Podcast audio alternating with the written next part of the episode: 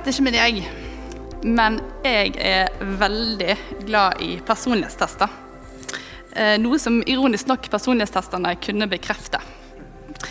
Eh, for en av disse testene så fikk jeg se det at jeg var visstnok en gjennomsyra strateg. Eh, noe som jeg igjen kan bekrefte.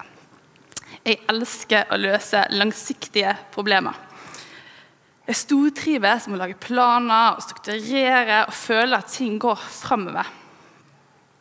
Så tenker du kanskje det at ja, men det må jo være en fin ting. Og på mange måter så er det er det. det. Men jeg har òg sett at eh, det er en av mine største utfordringer. For jeg elsker kontroll. Jeg elsker å ha oversikten. Og se for meg neste steg og føle at jeg alltid tar noen nye steg. Hvis jeg gjør dette, så gjør jeg det dette, så fører jeg til dette. Og så får det en framdrift. I Norge og i ganske mange land så er det mange av oss som har store privilegier med å kunne ta, kunne ta kontroll over livene våre. I hvert fall store deler av livene våre. Vi har enorme valgmuligheter. Vi kan velge hva vi ønsker å studere. Vi kan velge om vi ønsker å studere eller ikke. Vi har frihet til å velge venner, til å velge kjæreste, som kanskje senere blir ektefelle. Vi har frihet til å velge hva vi ønsker å bruke fritiden vår på. Vi har frihet til å tro det vi ønsker, til å mene det vi ønsker. At vi er her i dag, så har du tatt et valg som du har frihet til å ta.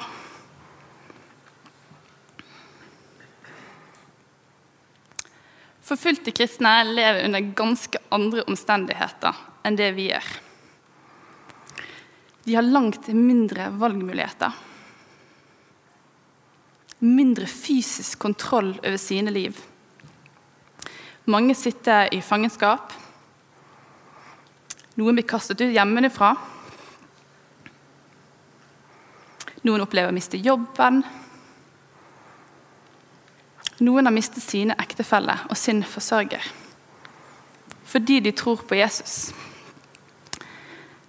Under kollekt i dag så, så vi en film fra nordlige Nigeria. Et område som er prega av vold mot kristne, og der mange lever med en enorm usikkerhet for hva framtiden vil bringe. I 2021 så kunne vi i Åpne dører rapportere at 4650 ble drept for sin tro. 470 kirker ble angrepet i Nigeria alene. Pastor Andrew er en av mange som vet hva det vil si å miste kontrollen. Å miste alt. Landsbyen ble angrepet. De måtte legge på flukt. Husene sto i brann, og mange ble drept. Likevel så sier han at eh, da vi mistet alt, innså vi at Gud er alt vi trenger.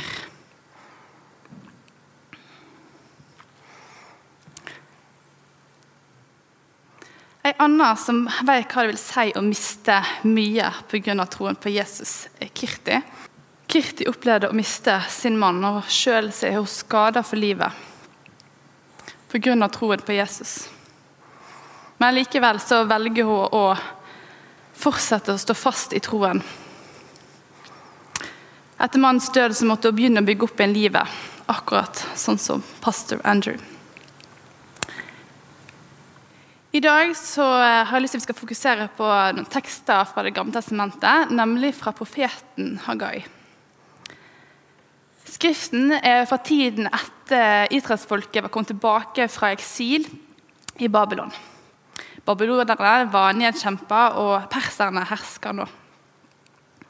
Og Israelsfolket hadde fått lov til å reise tilbake til Jerusalem for å bygge opp igjen tempelet.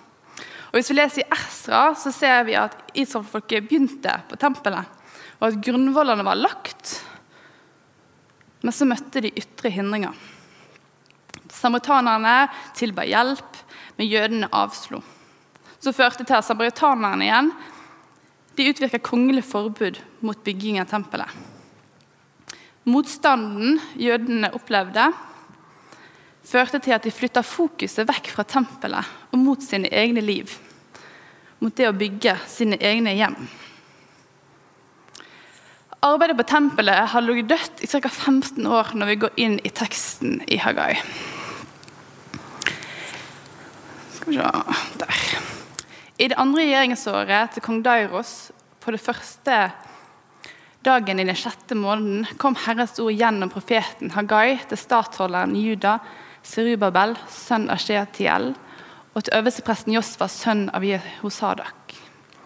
Så sier Herren av herskarene, dette folket sier, tiden er ikke kommet for å bygge Herrens hus.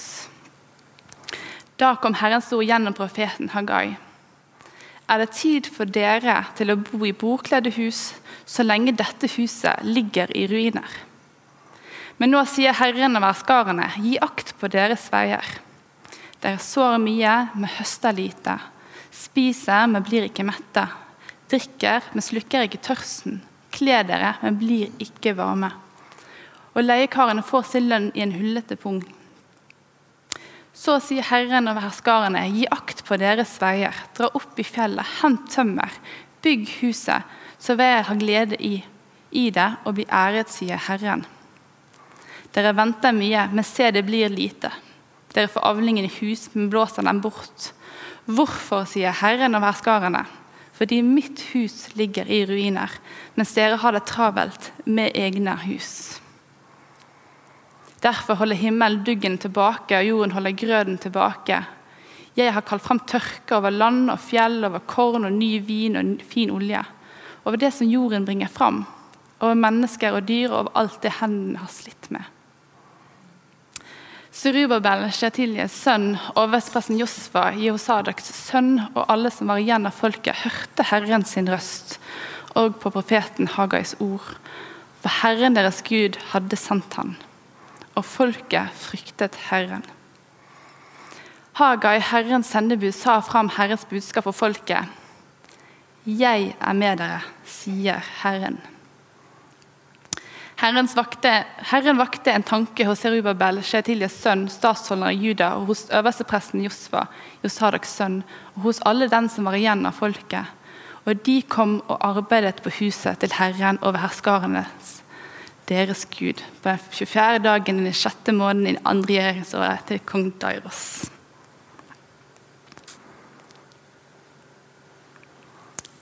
Israelsfolket hadde kommet seg ut av fangenskap.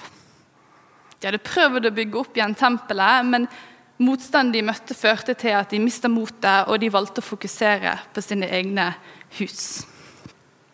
Det kan også tenkes at israelsfolket var ganske skuffa, og mest sannsynlig så tenkte de at hjemkomsten til Jerusalem òg betydde at Messias skulle komme. Men heller ikke dette hadde skjedd. Altså gikk hjemkomsten til Jerusalem ikke som planlagt.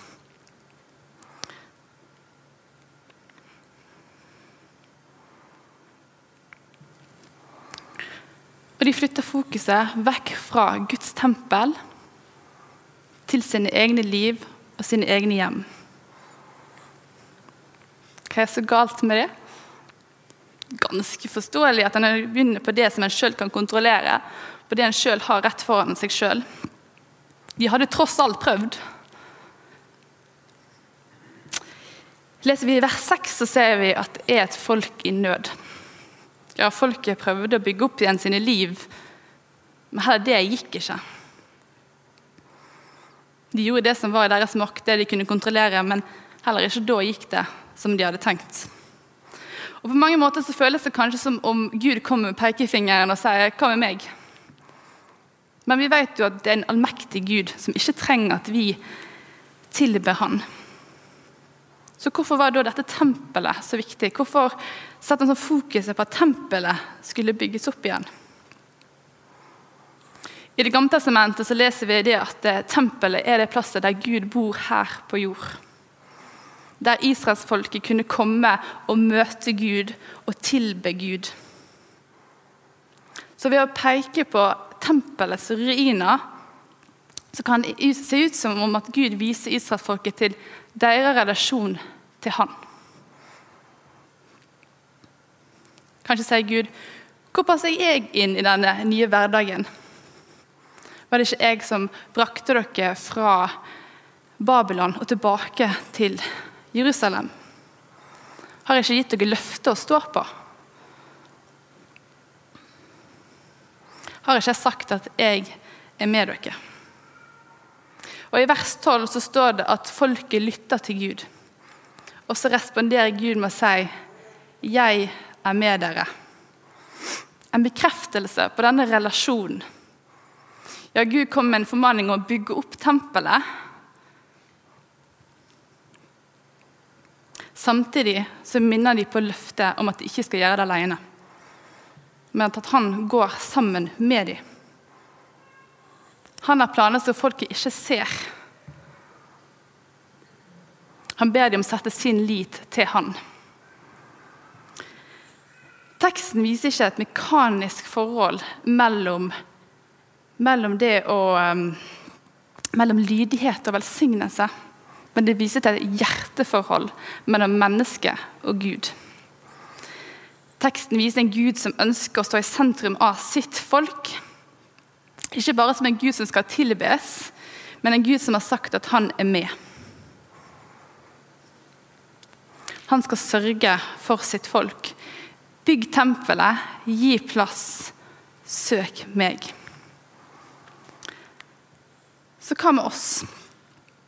I 1. Korinter 3,16 så står det Vet dere ikke at dere er Guds tempel, og at Guds ånd bor i dere? Vi er Guds tempel. Hans ånd bor i oss. Så hvordan tar vi vare på denne relasjonen til Gud? Gir vi han tid og rom? Lytter vi til hans ord? Velger vi å gå hans veier? Eller velger vi å gå i egen kraft, bygge våre liv ut fra det vi tenker er best?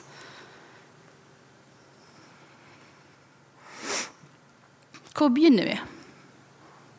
Hva er det første vi bygger? Hva er det vi prioriterer? Leser vi videre i kapittel 2 av Hagai, så ser vi at igjen så mister folket motet. De har begynt på tempelet, men så begynner de å tenke tilbake. For dette tempelet som de hadde før, var jo så stort og flott og herlig. Hva var vel dette tempelet som de begynte å bygge? De sammenlignet på det som var, med det de kunne se foran seg. Og igjen så kommer Gud gjennom Hagai, og så sier han Men nå, vær frimodig og sterk, Serubabel, lyder ordet fra Herren. Vær frimodig, Josva, Jehosadaks sønn, du som er øverste prest. Vær frimodig, alt folk i landet, lyder ordet fra Herren. Gå og arbeid, for jeg er med dere, lyder ordet fra Herren allhersen Gud. Dette løftet ga jeg dere da dere dro ut fra Egypt. Min ånd bor iblant dere. Frykt ikke.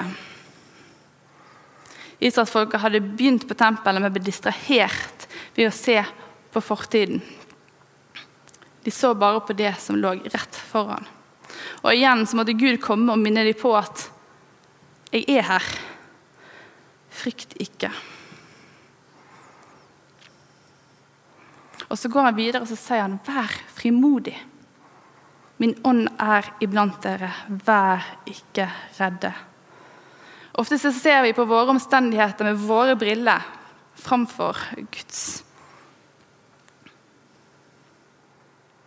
Og I teksten fra Hagai så minner han oss på at Gud sier at han er med. Vi går ikke alene. Vær frimodig og sterk. Min ånd bor iblant dere, som vi leste Korinter, bor i dere. Frykt ikke. Og Dette skal vi få lov til å stå på. Som etterfølger Jesus så er dette løftet som vi skal få lov til å stå på. Men som Israelsfolket er det òg noe vi må minne oss på. I Matteus 6,33 så står det Søk først Guds rike og hans rettferdighet, så skal dere få alt det andre i tillegg.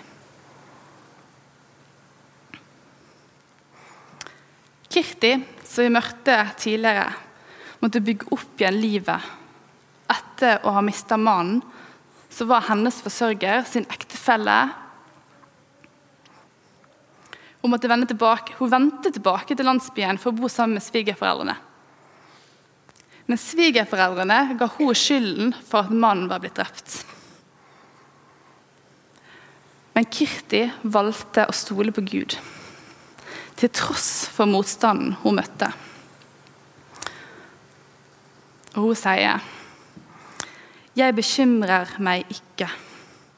I alle mine prøvelser vil Gud hjelpe meg, og jeg klynger meg til Hans ord. Der står det at Herren vil sørge for alle mine behov. Selv er jeg ikke i stand til å lese Bibelen, men jeg har hørt disse løftene og husker dem i mitt hjerte. Jeg bekymrer meg ikke. Jeg klynger meg til Hans ord. Herren vil sørge for alle mine behov. Og jeg har hørt løftene, og jeg husker dem i mitt hjerte. Det er sterke ord fra ei som virkelig har opplevd det at livet var i stor grad i ruiner. Etter vi fikk denne filmen, så fikk vi en oppdatering på situasjonen. Og det var trist å si at igjen så kunne vi lese om fortsatt motstand fra både familien, fra lokalbefolkningen. Blant annet så ble kornåkeren hans brent ned. Svigerfaren, som var en av de som forfulgte henne. Men Kirti valgte å be for han, og hun fortsatte å be for han. Og I denne rapporten så fikk vi beskjed om at han hadde kommet til tro på Jesus. Ja, ikke bare han. Ti familier hadde kommet til tro. Og Kirti forteller videre jeg har brukt mye tid i bønn under nedstengningen. Mange har kommet hjem til meg for at jeg skal be for syke. Gud har helbredet dem. Flere har blitt frelst. Jeg blir fremdeles forfulgt, men jeg frykter ikke. Gud er med meg. For ei gudskvinne. Kirti valgte å stå på løftene som Gud har gitt.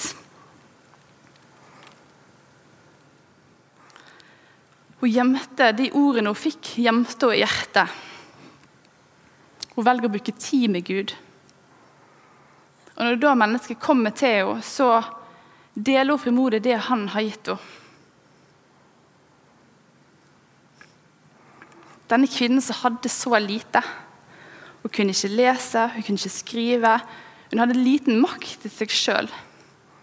Livet lå i stor grad i ruiner, men hun valgte å stå på de løftene Gud hadde gitt, og tjene han og være et verktøy for han.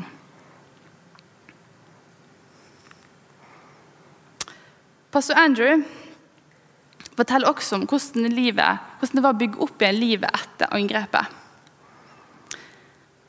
Flere fra menigheten gikk rundt i landsbyen for å finne det de kunne, for å bygge noe som kunne være en plass der de kunne tilbe sammen. En plass der de kunne feire gudstjeneste sammen. De prioriterte å bruke tid med Gud og tilbe Gud selv når alt lå i ruiner. Søk først Guds rike.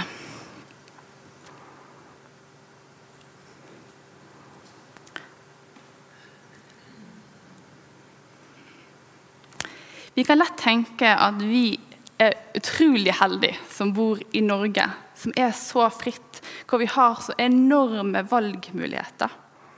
Og I motsetning til pastor Andrew så lever vi ikke i en konstant frykt for at landsbyen vår kan bli angrepet. Eller Kirti, som kontinuerlig opplever det å bli trakassert. Mat, det, det maten hun hadde, ble bare brent ned.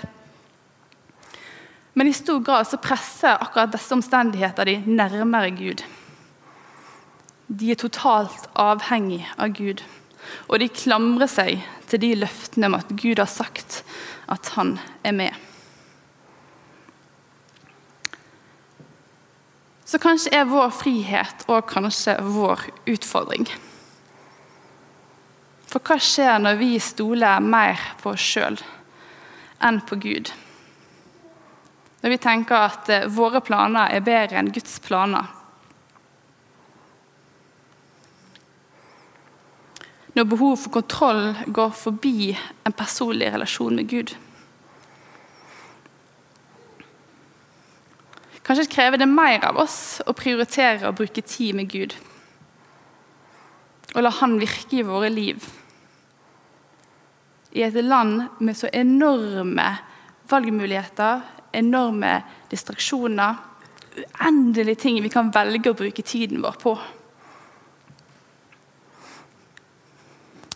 I Johannes 15,4 så står det Bli i meg, så blir jeg i dere. Slik som greinen ikke bare frukt av seg selv, men, men bare hvis den blir på vintreet. Slik kan heller ikke bare slik kan heller ikke bare frukten hvis den blir i meg. Jeg er vintreet, dere er greinene. Den som blir i meg, og jeg ham, bærer frukt.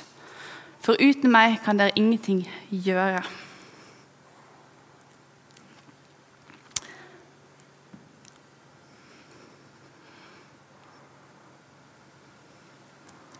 Kirti valgte å søke Gud og bruke tid med Han. Og Vi er så heldige at vi allerede kan se frukten av akkurat det. Mennesket som kommer til tro gjennom denne kvinnen som har så lite. Ja, Gud er med. Hans ånd bor i oss. Og vi har all grunn til å være frimodig og til å ikke frykte. Men vi må velge å søke Gud. Vi må velge å prioritere. Og Dette er kanskje noe vi må hjelpe hverandre med, til å løfte blikket forbi det som ligger rett foran oss. Det er Han som har gitt oss løftet å stå på. La oss søke først Guds rike. I motsetning til Kirti så kan vi lese. Vi kan bruke tid i Guds ord. Vi kan la det ligge på våre hjerter. Vi kan bruke tid i bønn sammen med Han. Vi kan bygge relasjon, slippe Han til, bare ikke i deler av vår hverdag, men i hele vår hverdag. Ikke fordi vi må, men fordi Han ønsker en relasjon med oss. Og Han ønsker å vise at Han går sammen med oss. Vi skal slippe å bygge våre liv alene i egen kraft, men hvile i Han som gir oss alt det vi trenger. Så synes jeg det er utrolig sterkt å høre historier som Kirti og Andrew, for de hjelper meg å løfte blikket. Dette er våre trossøsken. Vi står sammen med disse. De trenger våre bønner, og jeg tror vi trenger deres historier. Vi trenger å se at Gud er med, at hans løfte står. Og Helt til slutt så har jeg lyst til å lese en bønn som Kirti pleier å be. Livgivende Gud, jeg takker deg. Jeg ber for alle dem som støtter meg. Gud, velsign dem. Sørg for alle deres behov. Jeg ber for dem som står overfor forfølgelse for sin tro på deg. Herre, gi dem mot til å møte forfølgelsen. Måtte kirken din vokse i alle land, slik at mange blir frelst og gir livet sitt til deg. Alle, alle de som forfølger kristne og motarbeider, må også bli frelst. Jeg ber om frelse for alle i landsbyen min. Jeg ber for dine tjenere, de som drar til landsbyen for å dele Guds ord. Gud, beskytt dem og oppfyll alle deres behov. Hjelp oss alle til å leve i samsvar med ditt ord som står i Bibelen. Amen.